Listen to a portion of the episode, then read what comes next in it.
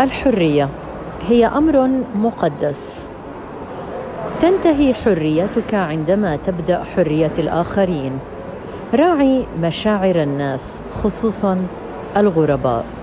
من غير المناسب أن تكون جالسا في الصباح الباكر مع مجموعة الأصدقاء. في ذلك الباص الذي سيقلك إلى المطار في تمام الساعة الخامسة أو السادسة صباحا.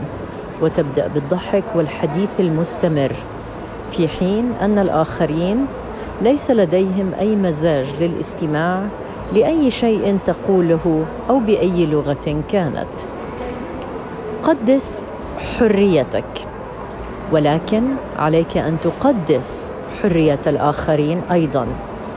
صباح الخير من كبادوكيا إلى اسطنبول.